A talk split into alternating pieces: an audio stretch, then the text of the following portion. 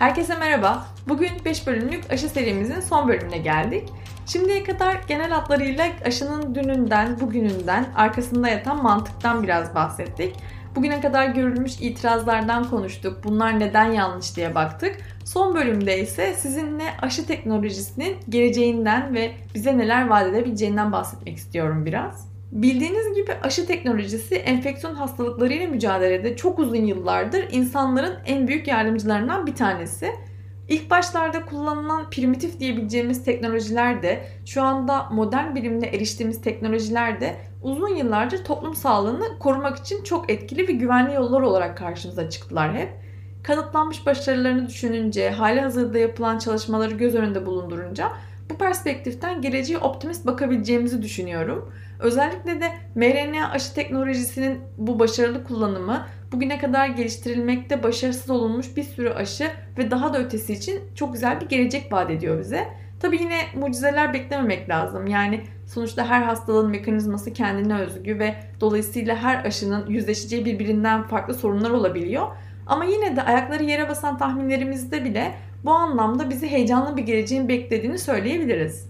Pandeminin olmadığı daha stabil bir dünyada aşı çalışmalarına baktığımızda bu çalışmaların çoğu aslında aşının etkinliğini artıracak ya da maliyetini düşürecek yöntemler bulmak üzerine yapılıyorlar veya işte daha kolay uygulama şekilleri arıyorlar. Bunun yanında tabii spesifik hastalıklara karşı aşı geliştirme ya da var olanı geliştirmeye yönelik de bir sürü çalışma var. Baktığınızda aslında her an patlak verebilecek bir salgın tehdidi bizimle yaşıyor. Bugün dünya gündemini en meşgul eden şey son iki yılımızı yeri geldiğinde apokaliptik film sahnelerine çeviren Covid salgını. Bunu belki yaşamasak tehdidin nedenle ciddi olduğunu kavrayamayabilirdik. Yıllar önce olmuş salgınların bize denk gelmeyeceğini, gelse bile gelişen teknolojimizle kolayca bertaraf edebileceğimizi düşünebilirdik. Ama bu son iki yıl bize gösterdi ki hala mucize bir çözüm yok ve insanoğlu 1918'de olduğu kadar kırılgan.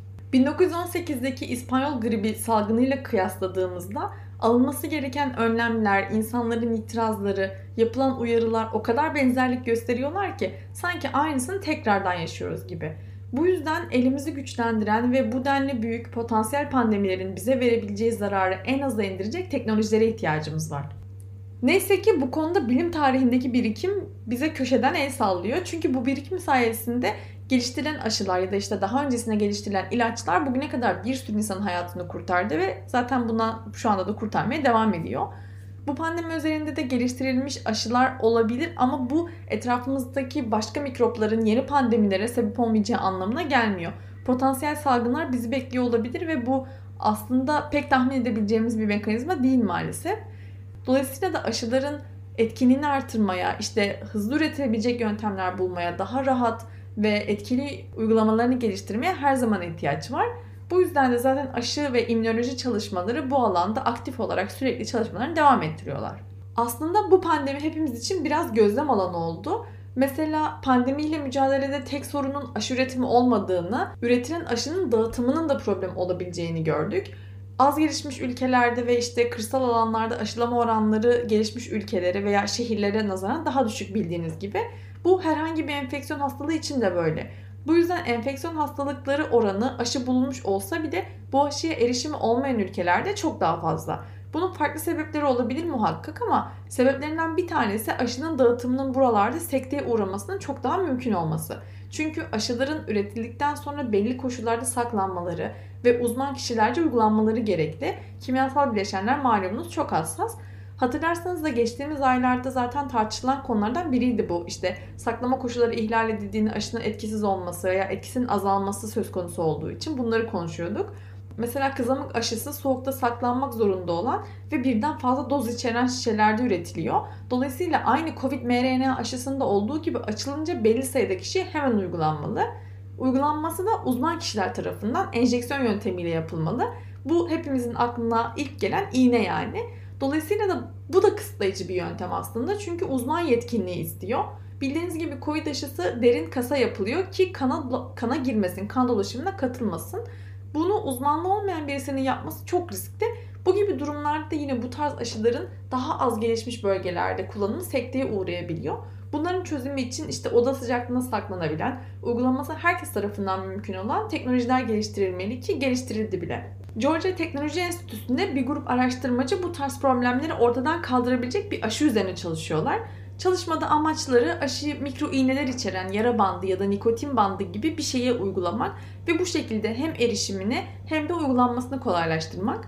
Benzer bir mantıkta bir grip aşısı da Queensland Üniversitesi'nde çalışma aşamasında. Daha doğrusu etkili olduğu gösterildi ama şu anda ticarileştirilmesi üzerine çalışılıyor. Vaxas isimli bir şirket yürütüyor bunun çalışmalarını. Burada da yine cilde yapışıp 10 saniye sonra çıkarılan ve içinde mikro iğneler bulunan bir bant geliştirdiler. Eğer başarılı olursa aşının oda sıcaklığına saklanabilmesi, işte kolayca dağıtılabilmesi ve herhangi bir uzman doktora ihtiyaç olmadan uygulanabilmesi mümkün haline gelmiş oluyor. İğneden korktuğu için aşı olmayan bir sürü insan var. Herhalde bu onlar için baya güzel bir haber.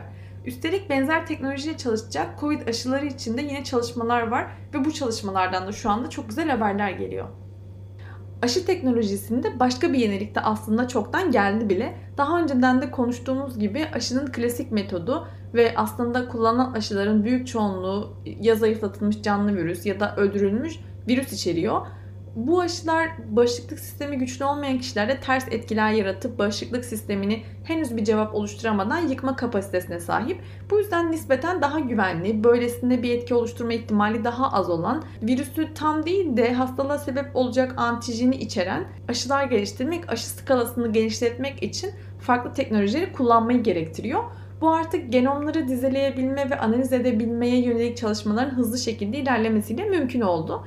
Bu bilgilerin kullanılmasıyla çok ince ayarlarla hedeflenecek kısımların belirlenmesi, patojenin hangi kısmının ne görev yaptığını tanımlanması gibi analizleri yapabiliyoruz artık.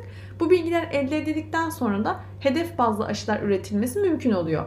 Bu yönde zaten rekombinant aşılar, DNA aşıları ya da mRNA aşıları üzerine çalışmalar devam ediyor.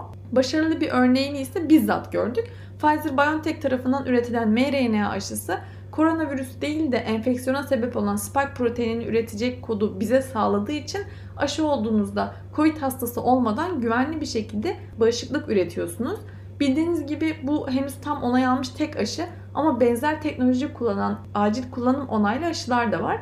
Bunlar hem üretmesi daha hızlı olduğu için hem etkinlik olarak gayet yeterli oldukları ve aynı zamanda da daha az yan etkiye sahip oldukları için gelecekteki geliştirilecek aşılar için de büyük bir potansiyel sağlıyorlar aslında. Klasik anlamda enfeksiyona sebep olan patojene karşı aşı geliştirme mantığının yanında bilim insanları daha yenilikçi ve kapsayıcı aşılar geliştirmek için de çalışmalar yapıyorlar. Mesela evrensel grip aşısı bu alandaki önemli inisiyatiflerden bir tanesi. Şu andaki grip aşıları sadece belli influenza çeşitlerine karşı dar bir koruma sağlayan aşılar Evrensel grip aşısı ise influenza virüsünün tüm tiplerine karşı etkili olabilecek ve daha uzun süreli koruma sağlayabilecek bir aşı adayı. İnfluenza virüsü sürekli mutasyona uğrayan ve bu yüzden de her sene yeni bir varyantıyla karşılaşma ihtimalimizin çok yüksek olduğu bir virüs.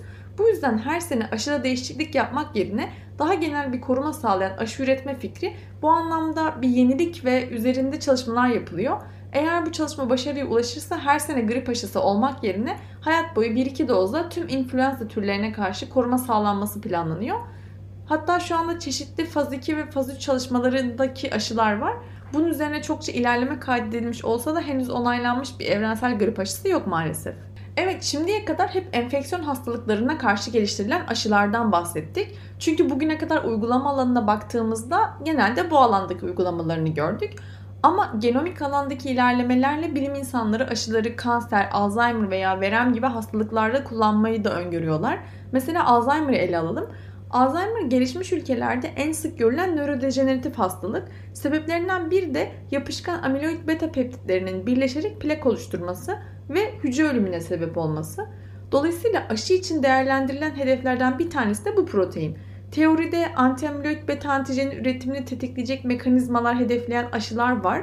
Ama protein birikmesi sonucu oluşan hastalıklara karşı aşı üretmek bugüne kadar bilinen metoddan farklı olduğu için çok kolay bir iş değil maalesef. Yine de potansiyel vaat ettiği için daha uzun sürse de gelecek için heyecanlanmamıza sebep olacak bir gelişme. Bunların yanında kanser için de özellikle son zamanlarda umut vadeden çalışmalar duyuyoruz. Kanser için aşı kullanma fikri aslında yeni değil. Bu alanda uzun zamandır süre gelen bir sürü çalışma var ve başarılı örnekleri de var. Kansere hedefleyen ilk başarılı örneklerden bir tanesi insan papiloma virüsü aşıları. Rahim ağzı kanseri kadınlar arasında en sık görülen ikinci kanser türü ve bu kansere %98 oranında insan papilloma virüsü sebep oluyor. Her 100 kadından en az ikisinin de hayatının bir döneminde rahim ağzı kanserine yakalandığını düşünürsek bu hastalığı hedefleyen aşılar aslında çok önemli bir yere sahip oluyorlar. Çünkü bu aşılar rahim ağzı kanserini önlemede gerçekten çok etkililer. Ya da mesela hepatit B aşısı da hepatit virüsünün enfeksiyonunu engellediği için karaciğer kanseri riskini düşürmüş oluyor. Bunlar tabi direkt virüs sebepli hastalıklar oldukları için daha önceden bahsettiğimiz mantıkla çalışıyor ve yine hastalık önleyici kategorisine giriyorlar. Asıl genilik vadeden ve birçok kanser hastası için umut olan çalışmalar kanseri önlemeye değil tedavi etmeye yönelik olan çalışmalar. Bunların çalışma prensibi vücudun bağışıklık sistemini vücuttaki kansere karşı güçlendirmek. Bu aşılar ya tümörün kendisini hedefliyorlar ya da tümörle savaşacak bağışıklık cevabını üretmeye yönelik oluyorlar. BioNTech şirketi şu anda mRNA kanser aşıları üzerine çalışan şirketlerden biri ve geliştirdikleri aşılardan bir tanesi hayvan deneylerinde kolon kanseri ve melanoma tümörlerini 40 gün içinde yok etmeyi başardı. Bu aşı şu anda insan klinik deneylerine geçti ve eğer başarılı olursa gerçekten çok güzel şeyler bizi bekliyor olabilir. Bilimin bu şekilde üstüne katarak her seferinde neredeyse bilgisayar oyunlarındaki gibi level açarak ilerlemesi geleceğimiz için bence çok güzel şeyler vaat ediyor. Bu yüzden gelecek adına ben şahsen çok heyecanlıyım.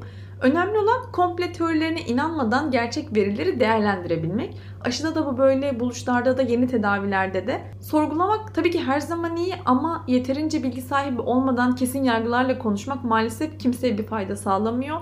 Aksine suyu bulanıklaştırıyor. Ama su tekrar berrak göründüğünde bu defa çok geç olabiliyor.